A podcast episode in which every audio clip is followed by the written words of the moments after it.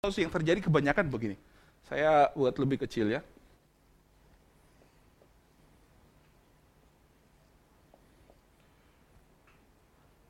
Di sini wealth. Di sini God. Fokus yang di atas ini. Manusia sering kali berupaya mengejar wealth. Dan mereka membelakangi Tuhan. Itu yang saya katakan tadi, waktu manusia berupaya mengejar wealth tanpa Tuhan, ini akan menjadi Tuhan yang jahat. Tapi sebaliknya ketika manusia mengejar Tuhan, ya, mengejar Tuhan, maka ini akan menjadi hamba yang baik. Saudara tahu yang terjadi sekarang begini, yang banyak terjadi di gereja. Manusia memanfaatkan ini untuk mendapatkan ini. Pelayanan dijual.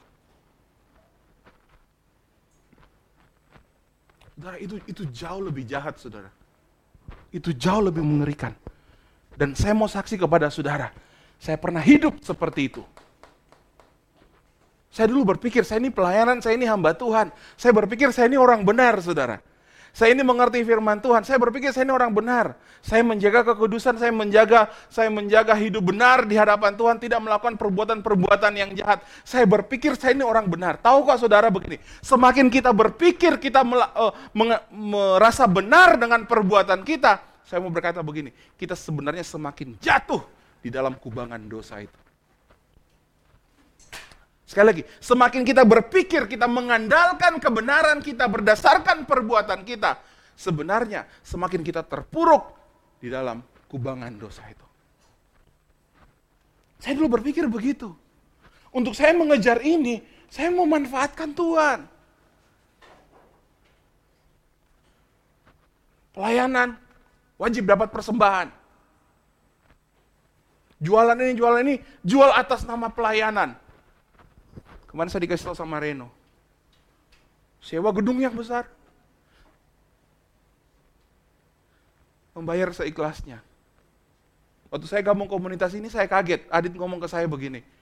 Wes lah, lek nawar itu jangan teman-teman. Kalau kita beli barang untuk gereja, nawar itu jangan teman-teman. Itu satu nilai yang ada di gereja ini. Ya kalau memang dikasih diskon puji Tuhan, tapi nawar itu jangan pakai nama-nama Tuhan gitu loh. Ini untuk pelayanan, ini untuk gereja. Ngeri, saudara. Dan saya saya orang seperti itu dulu. Dan saya menyadari itu sebabnya banyak halal dalam diri saya yang perlu diperbaiki. Yang perlu, saya ngomong COVID begini, COVID sekarang saya mau ngomong semuanya COVID, saya kosongkan dalam diri saya, tolong isi saya dengan sesuatu yang baru. Supaya saya diperbaharui dalam segala sesuatunya. Makanya kami ngomong-ngomong ke COVID sampai jam 2 malam, kemarin jam setengah satu gitu ya. Sampai kurang, mungkin anak-anak sakit itu gara-gara kami aja begadang waktu itu ya. Tapi ini sesuatu yang mesti kita pahami, saudara. Fokuslah ke sini. Fokuslah ke Tuhan. Dan ini, itu akan mengejar kita luar biasa. Katakan amin. Ngomong gini, saya siap diberkati Tuhan. Karena Tuhan lebih siap memberkati aku. Amin. Kita berikan tepuk tangan yang meriah buat Yesus. Lanjut, sudah. Nah, untuk mencapai ini, kita fokus ya, kita fokusnya kepada Tuhan. Untuk mencapai ini, Tuhan itu memberikan dua, dua instrumen, dua alat yang yang Tuhan berikan kepada kita. Kita lihat di dalam kejadian pasalnya yang kedua, ayatnya yang ke-8. Kejadian pasalnya yang kedua ayatnya ke-8. Selanjutnya Tuhan membuat taman di Eden. Di sebelah timur di situlah ditempatkannya manusia yang dibentuknya itu. Next. Lalu Tuhan menumbuhkan berbagai-bagai pohon dari bumi yang menarik dan yang baik untuk dimakan buahnya. Pohon kehidupan di tengah-tengah taman itu serta apa? Pohon pengetahuan tentang yang baik dan yang jahat. Oke, 10. Ada sungai yang mengalir dari Eden untuk membasahi taman itu, dan dari situ sungai itu terbagi menjadi empat cabang. Sebelas. Yang pertama namanya Pison, yakni yang mengalir mengalir seluruh tanah Hawila, tempat emas ada. Ini berbicara semua tentang kelimpahan. Dua belas. Dan emas dari negeri itu baik, di sana ada damar bedola dan batu krisopras. Tiga belas, lanjut. Nama sungai yang kedua adalah Gihon, akhirnya mengalir mengelilingi seluruh tanah Kus. Lanjut. Nama sungai yang ketiga adalah Tigris, yang akhirnya mengalir di sebelah timur Asyur. Dan sungai yang keempat adalah Efrat. Lanjut. Tuhan mengambil manusia itu dan menempatkannya di Taman Eden untuk mengusahakan dan memelihara taman itu. 16. Lalu Tuhan memberi perintah ini kepada manusia. Perhatikan, semua pohon dalam taman ini boleh kau makan buahnya dengan apa? Dengan bebas. Next. 17. Tetapi pohon pengetahuan yang baik dan yang jahat itu jangan kau makan buahnya. Sebab pada hari engkau memakannya, pastilah engkau mati. Oke. Yang pertama begini. Tuhan kasih semua tanaman di dalam eh, pohon-pohon uh, di dalam taman Eden yang penuh dengan kelimpahan itu, manusia dibawa masuk ke sana. Dan Tuhan berkata begini, semua pohon boleh kau makan buahnya dengan apa? Bebas. Semuanya dengan bebas. Tetapi satu yang nggak boleh. Apa yang nggak boleh? Yaitu pohon pengetahuan tentang yang baik dan yang jahat. Janganlah engkau memakan buahnya, sebab pada hari engkau memakannya, pastilah engkau mati. Apa yang mau coba Tuhan tunjukkan kepada kita? Kemampuan apa yang Tuhan berikan kepada kita ya supaya kita bisa melihat wealth yang Tuhan uh, supaya kita menghasilkan buah wealth yang yang Tuhan janjikan kepada kita. Mengubah wealth rohani itu menjadi wealth jasmani. Yang pertama adalah begini yang Tuhan berikan adalah kemampuan untuk mengontrol diri kita. Kenapa harus diberikan pohon itu karena manusia tak, karena Tuhan tahu di dalam diri manusia itu ada kemampuan untuk mengontrol dirinya. Punya pengesu, penguasaan diri. Dalam sembilan buah roh, buah roh yang terakhir adalah apa? Penguasaan diri. Dan itu adalah buah yang paling penting. Kenapa? Kalau manusia tidak bisa kontrol dirinya, bagaimana dia bisa menguasai kelimpahan dari Tuhan ini? Paham nggak maksudnya saudara? Dirinya sendiri saja dia tidak bisa kuasai. Emosinya nggak dikuasai. Mengelola keuangan tidak dikuasai. Belanja, nafsu, makan tidak dikuasai. Bagaimana bisa mengelola kelimpahan yang Tuhan percayakan kepada manusia? Tahukah saudara begini? Kalau kita berhasil mengelola, kalau kita bisa mengontrol, menguasai hal yang sederhana di dalam diri kita, setia dalam yang perkara kecil, maka Tuhan pasti tambah-tambahkan perkara yang lebih besar. Setuju? Setuju gak saudara? Iya, itulah kebenarannya. Tapi kalau kita tidak bisa kontrol it, kita tidak bisa mengontrol, menguasai itu yang sederhana dalam diri kita. Bagaimana Tuhan bisa percayakan hal yang lebih besar?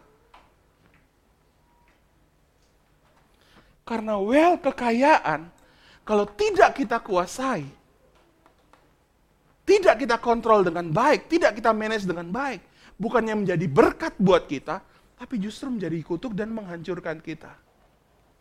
Saudara tahu hari-hari ini berita yang sedang beredar, Instagramnya minta tolong di di pause dulu kok ya. Saudara tahu gedung yang sangat megah di tengah pusat kota Surabaya? Beberapa hari yang lalu istri dari pemilik itu masuk penjara. Tapi sudah dilepaskan. Karena kasus perceraian hubungan rumah tangga yang tidak bagus, suaminya suaminya menjobloskan, suaminya sendiri yang menjobloskan istrinya ke penjara. Sudah tahu sekarang yang terjadi apa? Istrinya berusaha menjebloskan suaminya ke penjara, bukan cuma suaminya, sak mertua-mertuanya.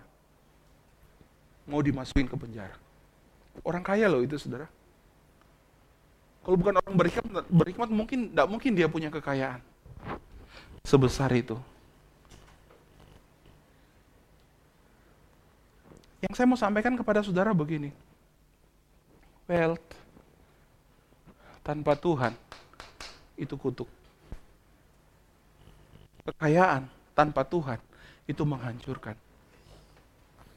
Tetapi bersama dengan Tuhan, kita bisa melihat kelimpahan yang sejati yang Tuhan berikan kepada kita. Amin. Boleh di play lagi. Tuhan berikan yang pertama adalah self control. Saudara tahu, beberapa dua minggu yang lalu istri saya kabur dari rumah. Uh, ini di, di pause lagi deh. Bahaya. istri saya kabur dari rumah. Kami menikah sudah 9 tahun. Menikah 9 tahun, selama 9 tahun itu bukan cuma lebih dari 9 tahun, sekitar 12-13 tahun kami bersama-sama ada dalam pelayanan. Kami bertemu di dalam pelayanan, kami melayani bersama-sama satu kota bareng gitu ya. Kami melayani bersama-sama. Dari pelayanan itu kami saling mengenal, kami pacaran, kami jadian. Kami mempertahankan komitmen tiga tahun kalau nggak salah ya kami pacaran. Terus kemudian akhirnya kami menikah. Setelah sembilan tahun lamanya, uh jadi gembala lah saudara. Jadi jadi panutan begitu banyak orang waktu itu. Saya tidak membanggakan hal itu. Tapi hari apa ya? Saya lupa. Senin ya. Ulang tahunnya ini ya. Wah, ini berkesan ini. Istri saya kabur dari rumah. Masalahnya sederhana, saudara. Karena saya sebagai suami tidak punya ini. Tidak punya self control. Saya tidak mengontrol emosi saya. Saudara tahu kenapa saya tidak bisa mengontrol emosi saya? Karena gini, karena saya berusaha mengejar ini. Nggak dapat-dapat. Saya melihat keuangan, aduh bukan sisa segini. Banyak tagihan yang harus dibayar. Yang saya salahkan siapa? Bagian purchasing yang belanja. Terlalu boros kamu. Ini gini gini gini gini semua. Saya salahkan dia. Dia juga nggak mau disalahkan. Lo kamu yang cari duit, cari duit lebih banyak lagi. Duzler. Berantem saudara.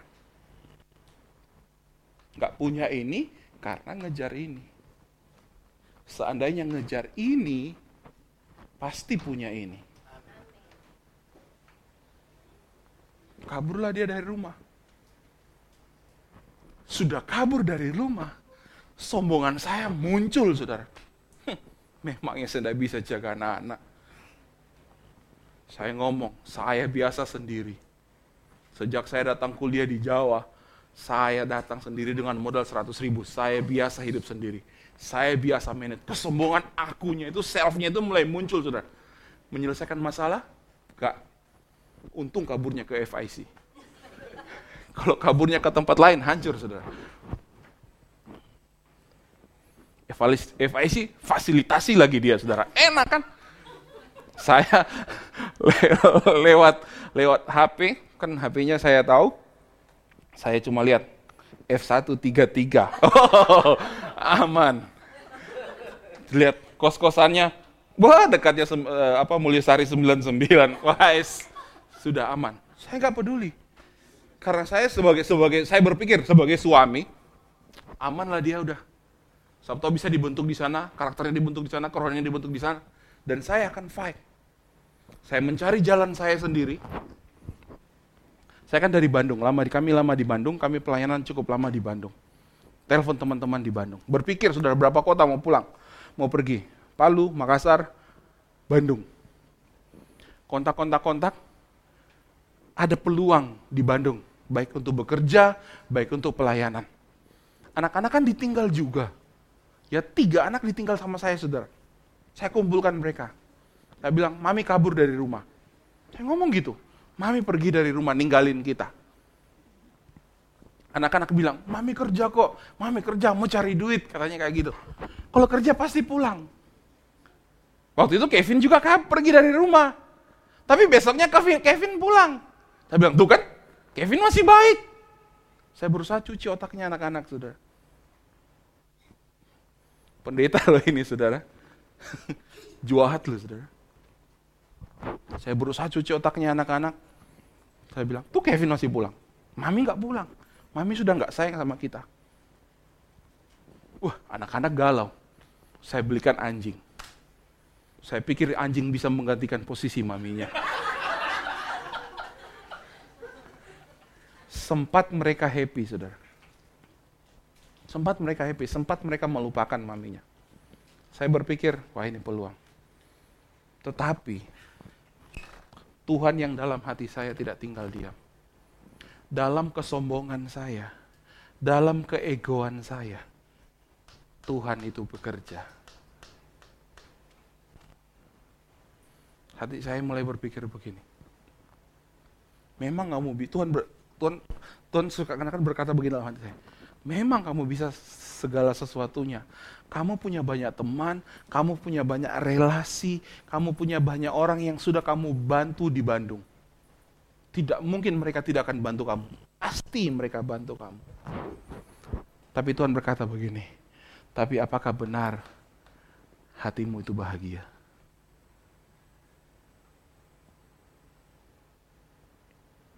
Saya berusaha nyakiti istri saya. Semakin saya nyakiti dia, justru saya yang paling tersakiti. Saya tidak pernah mengalami suatu ketika kami lagi uh, saya saya rekam anak-anak video habis berenang senang-senang sengaja saudara mau nyakiti dia. Saya rekam video, Holly ngomong begini, Mami nggak apa-apa, Mami pergi aja, kita happy kok sama Dedi, kita senang-senang kok sama Dedi. Ini di post beneran kan ya? Pastikan lagi.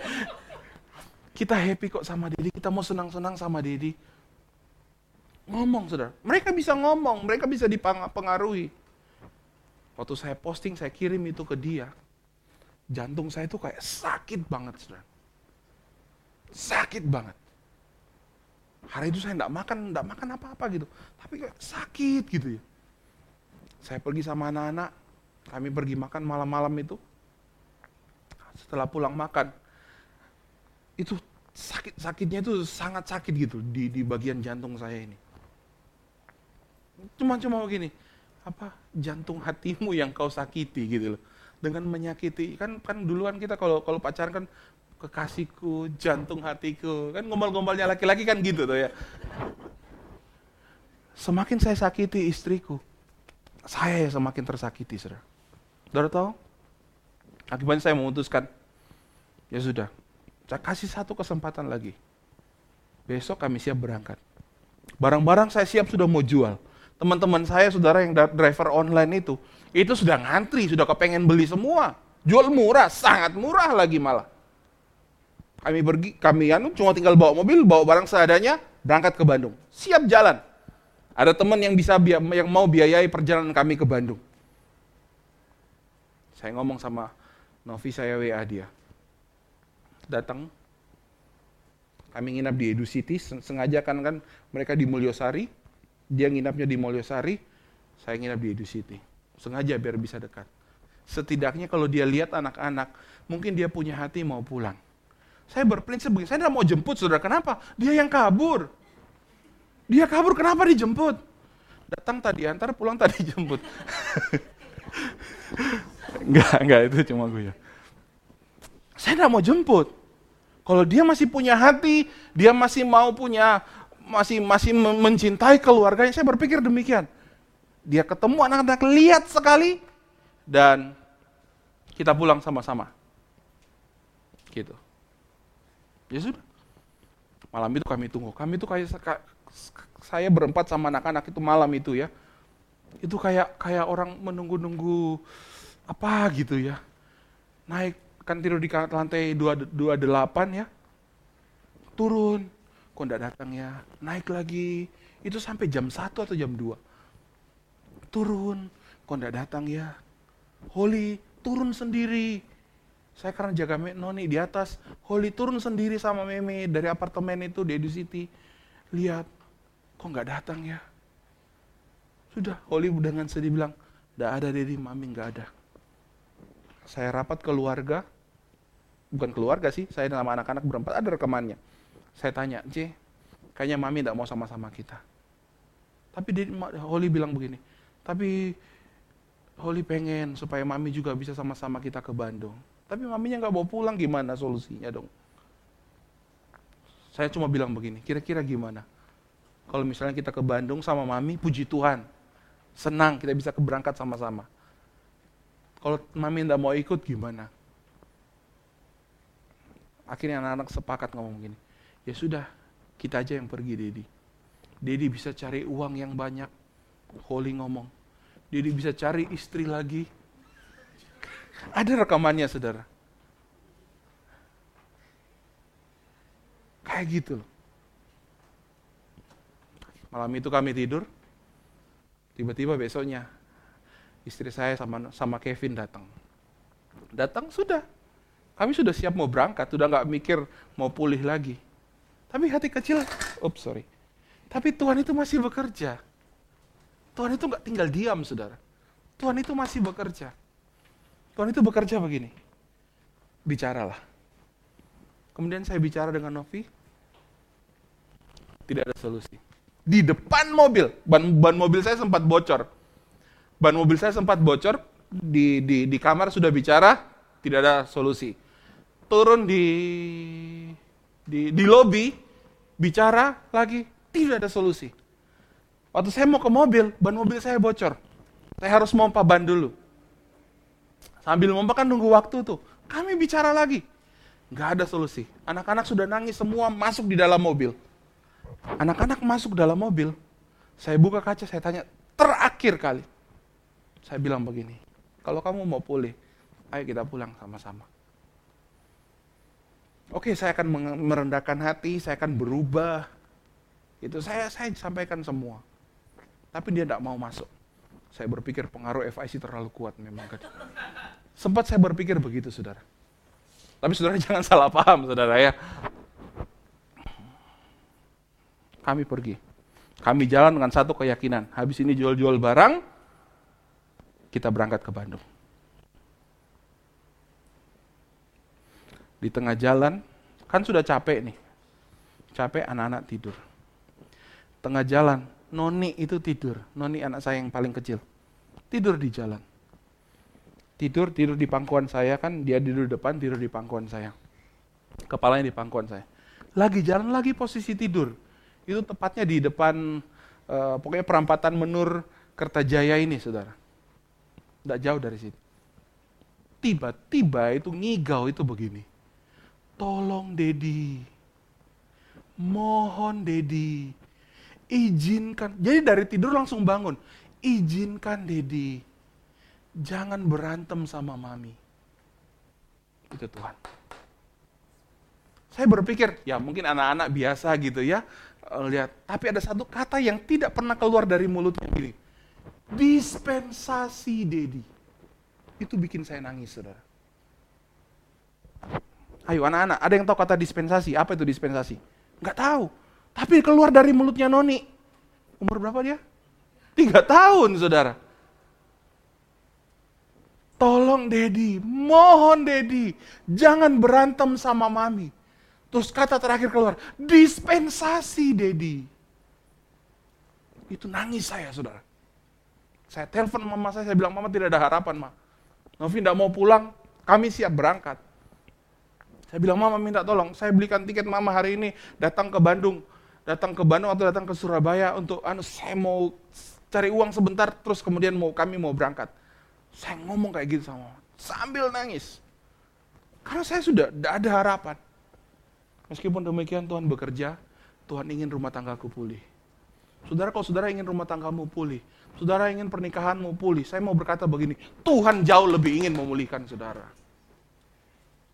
Cuma perlu ini loh, self control. Rendahkan hatimu di hadapan Tuhan.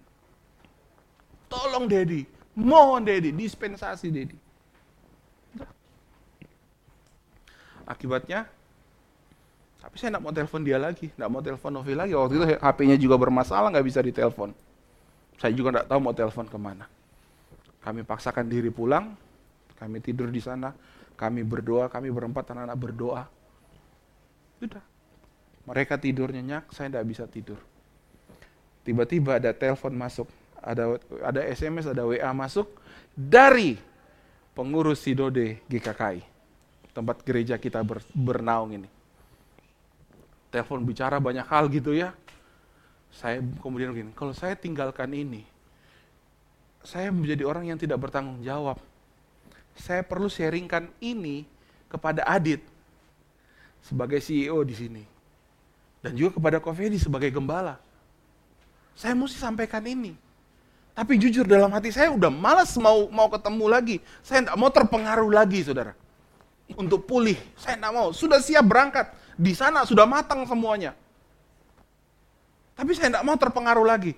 Saya takutnya kalau saya ketemu Adit, saya ketemu Pak Fedi, mungkin berubah pikiran saya. Saya sudah nggak mau, saudara. Sudah mau betul sangat mengeraskan hati. Tapi saya merasa harus bertanggung jawab. Ada banyak hal disampaikan, akibatnya saya ngomong ke Adit begini. Dit, aku pengen ketemu, mau bicara soal GKKI. Karena aku sudah, saya ngomong ke Adit, udah apa, mau siap berangkat.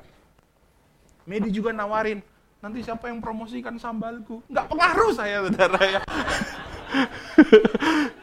Teman-teman sangat mendukung, mensupport supaya hubungan kami mulai. Tapi kalau sudah sudah kesombongan itu muncul, nggak ada self control, saudara. Itu karena apa? Terlalu ngejar wealth. Tapi dengan satu telepon itu, akhirnya saya menghubungi Adit, saya mau bicara ini. Tapi saya berpikir begini, Mungkin Adit nggak mau karena mereka siap-siap muatai waktu itu dengan Kofedi. Satu-satunya cara saya bisa ngomong dengan Adit adalah pengen bicara soal hubunganku dengan Novi. Cuma itu saudara. Saya takutnya mereka nggak mau. Saya berpikir seperti itu. Waktu saya ngomong hubungan Novi langsung Adit siap. Langsung Adit ngomong mungkin telepon Kofedi gitu ya. Siap kami ketemulah di GM. Awalnya niat mau bicara tentang itu. Tentang GKKI, organisasi gereja satu pun tidak ada yang kami bicarakan itu. Dan saya pun ketemu Kofedi udah jaga-jaga, saudara. Saya tidak mau terpengaruh. Waktu anak saya main, Kofedi mau bayar, saya tidak mau dibayarin. Beneran, saudara. Saya tidak mau. Kenapa? Saya tidak mau utang budi. Saya tidak mau Kofedi ngomong, saya sungkan sama beliau. Gak mau. Karena saya sudah mantap dengan keputusan saya. Waktu makan juga sama, saya tidak mau. Menghancurkan. Kesombongan itu sangat menghancurkan. Dan saya ketemu Kofedi pun cuma satu, satu pemikiran begini. Pengen tahu sih, karena beliau adalah yang saya anggap gembala selama ini, saya pengen tahu kira-kira suara Tuhan melalui beliau itu apa. Saya ngomong, saya cuma perkuat hati saya untuk seperti itu.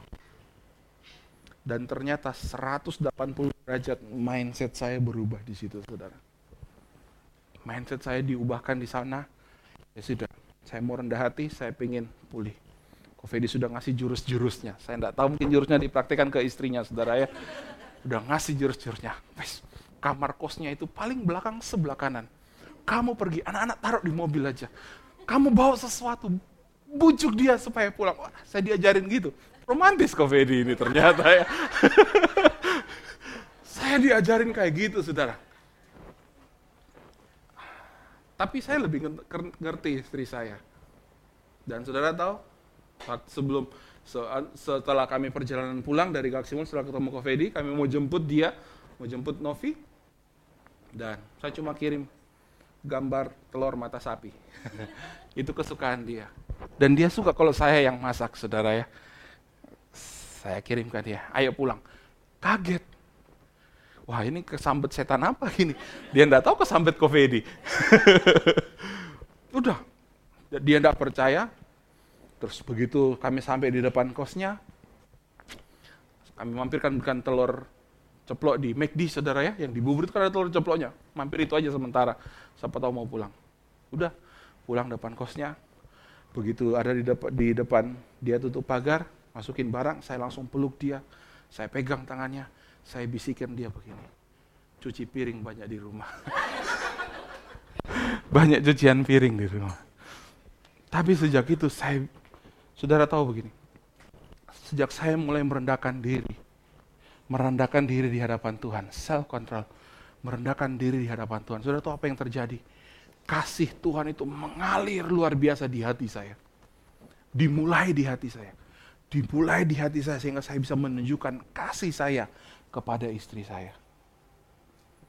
Hubungan pernikahan, hubungan suami istri yang yang apa namanya? Yang yang bermasalah. Saya belajar begini dari pengalaman saya. Saya belajar begini. Ketika hubungan suami istri bermasalah, mungkin tadi salah satu ini ya, mengejar wealth karena fokusnya ke sini. Kalau seandainya fokusnya ke sini kepada Tuhan, maka kasih akan berlimpah-limpah kepada suami saat suami merasa kering, sulit untuk suami bisa mengasihi istri. Tapi ketika suami dipenuhi dengan kasih Tuhan, dipenuhi dengan hadirat Tuhan, fokus hanya kepada Tuhan.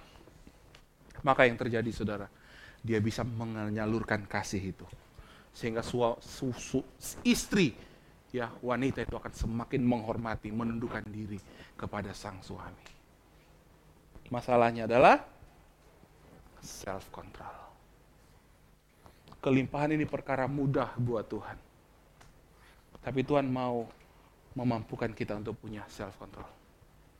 Yang kedua, yang Tuhan fasilitasi kembali ayatnya tadi.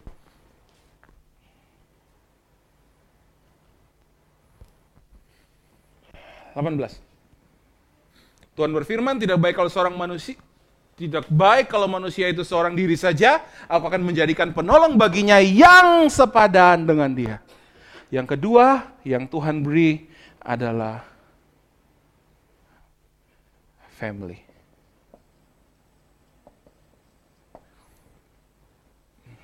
Untuk mencapai ini,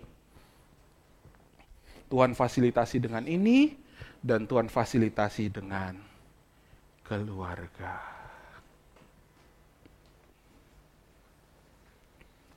Saya pikir saya tidak terlalu banyak menjelaskan tentang family.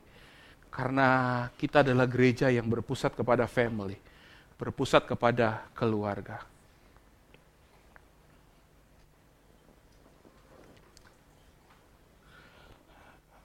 Kalau kita bilang mengasihi Tuhan tanpa mengasihi family, omong kosong.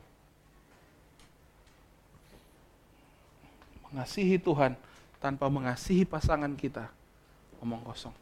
Pak, saya ingin menyenangkan kas pasanganku dengan saya bekerja mengejar ini, kemudian supaya family itu merasa nyaman, secure. Gak bisa, saudara. Karena sumber kita itu bukan ini sumber kebahagiaan kita bukan kekayaan, tapi sumber kebahagiaan kita satu-satunya cuma Tuhan. Dan tahukah saudara dari surga, Tuhan itu siap mencurahkan kasihnya, siap mencurahkan cintanya buat saudara. Makanya suami-suami, saudara, suami-suami sebagai leaders dalam rumah tangga, tanda kutip wakilnya Tuhan, merepresentasikan Tuhan dalam keluarga. Perlu kita senantiasa dipenuhi kasih Tuhan suami-suami laki-laki sangat penting kita menyadari bahwa kita ini adalah orang yang sangat dikasihi Tuhan. Karena semakin kita menyadari itu, maka kita bisa semakin mengasihi keluarga kita. Amin. Dan saudara, Tuhan itu sangat besar. Kita ini sangat kecil. Tolong ilustrasi saya, bola saya. Oh ya. Saya akan tutup dengan ini. Seandainya ini bumi, seandainya ini bumi, besarnya seperti ini bumi, kira-kira kita itu mungkin kecil sekali di sini. Ya enggak saudara? Seandainya ini bumi. Dan bagaimana Tuhan? Tuhan jauh lebih besar dari ini. Dari bumi. Setuju saudara? Ya. Tahukah saudara, ada bintang, ada planet yang lain yang jauh lebih besar dari bumi? Apa namanya? Jupiter. Jupiter besar. Seandainya ini Jupiter, mungkin bumi itu kayak gini.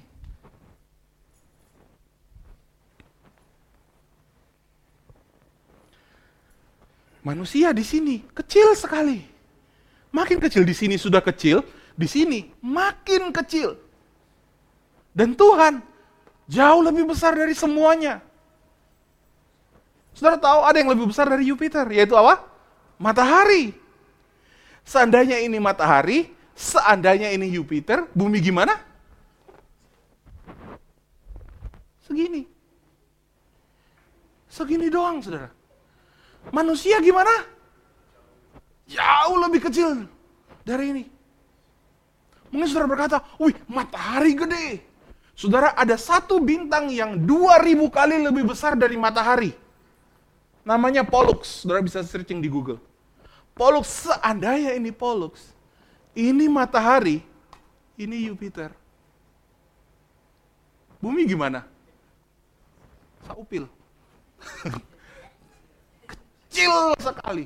Manusia jauh lebih kecil. Tuhan jauh lebih besar. No. Bukan masuk.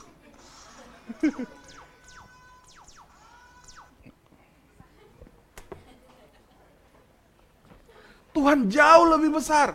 Manusia jauh kecil sekali. Ada dua hal yang saya mau sampaikan kepada saudara. Kalau kita sadar, Tuhan itu sangat besar sekali. Kenapa kita mau tinggi hati di hidup di bawah kolong langit ini? Amin. Kenapa kita mau mengandalkan ego kita? Kita tidak mau ngontrol self kita. Kita tahu Tuhan besar. Dan kita mau coba bermain-main, memanfaatkan Tuhan untuk mencapai ini. Dekat saja kepada Tuhan, ini pasti datang kok dengan luar biasa.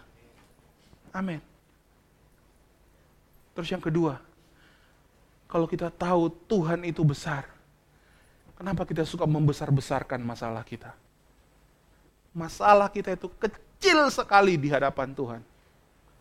Waktu kita mengontrol diri kita, bersama-sama dengan keluarga, berada di dalam komunitas, maka kita akan melihat semakin besar kasih Tuhan dicurahkan dalam hidup kita. Setuju katakan amin. Ayat terakhir, Amsal 23. Ini kesimpulan dari apa yang sampaikan. Amsal 23 ayatnya yang pertama. Perhatikan ini saudara. Teman-teman pemain musik bisa maju ke depan. Oke.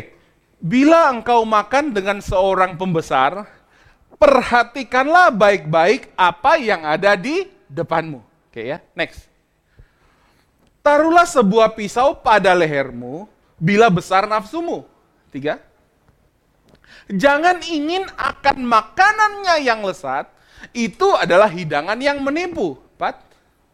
Jangan bersusah payah untuk menjadi kaya, tinggalkanlah niatmu ini. Lima. Kalau engkau mengamat-ngamatinya, lenyaplah ia. Karena tiba-tiba ia bersayap, lalu terbang ke angkasa seperti Raja Wali. Ayatnya yang kelima bilang begini, kalau kita mengamati kekayaan itu, lenyaplah dia. Karena tiba-tiba dia akan dia bersayap dan terbang ke angkasa seperti Raja Wali itu yang saya katakan tadi. Waktu kita mengejar namanya wealth, namanya kekayaan, itu akan semakin lari menjauh daripada kita. Kembali di ayatnya yang pertama. Amsal 23 ayatnya yang pertama. Bila engkau duduk makan dengan seorang pembesar, perhatikanlah baik-baik apa yang ada di depanmu. Dua, taruhlah sebuah pisau pada lehermu apabila besar nafsumu. Tiga, jangan ingin akan makanan yang lesat, itu adalah hidangan yang menipu. Kenapa Salomo berkata demikian? Kalau ketika kita makan bersama seorang pembesar, perhatikanlah baik-baik apa yang ada di depanmu. Apa yang di depan kita? Makanan dan pembesar itu sendiri. Amsal bilang begini, yang makanan itu itu menipu. Fokusnya kita harus menahan diri kalau terhadap hawa nafsu, punya self control. Fokusnya bukan kepada makanannya itu, tapi fokusnya kepada pembesar itu. Paham nggak maksudnya saudara? Perhatikan baik-baik yang di depanmu. Makan dengan pembesar, perhatikan baik-baik yang ada di depanmu ada pembesar, ada makanan. Amsal bilang, makanan itu menipu. Jadi jangan fokus di makanannya. Dalam dunia ini, kita berhadapan dengan dua hal. Dengan kelimpahan dan dengan Tuhan yang besar itu. Paham saudara? Jangan fokus kepada makanan. Ini gambaran dari hidangan itu tadi. Hidangan ini menipu. Karena ini bisa pergi. Tapi waktu kita fokus kepada pembesar itu tadi, Tuhan yang besar itu, waktu kita bersama-sama dengan dia, akan selalu ada makanan. Itulah janji kelimpahan yang Tuhan beri. Bagaimana kita bisa mendapatkan itu? Self control dan bertumbuhlah bersama di dalam keluarga. Seperti yang saya katakan tadi, Tuhan kita besar. Sangat besar. Perkara mudah dia memulihkan kita. Perkara mudah dia menjawab setiap pergumulan persoalan kita. Perkara sangat mudah. Tapi Tuhan tidak mau ketika Tuhan memulihkan kita. Justru membuat kita jauh dari dia. Yang Tuhan mau semakin kita dekat dengan dia. Kita melihat kelimpahan yang luar biasa. Dicurahkan bagi kita.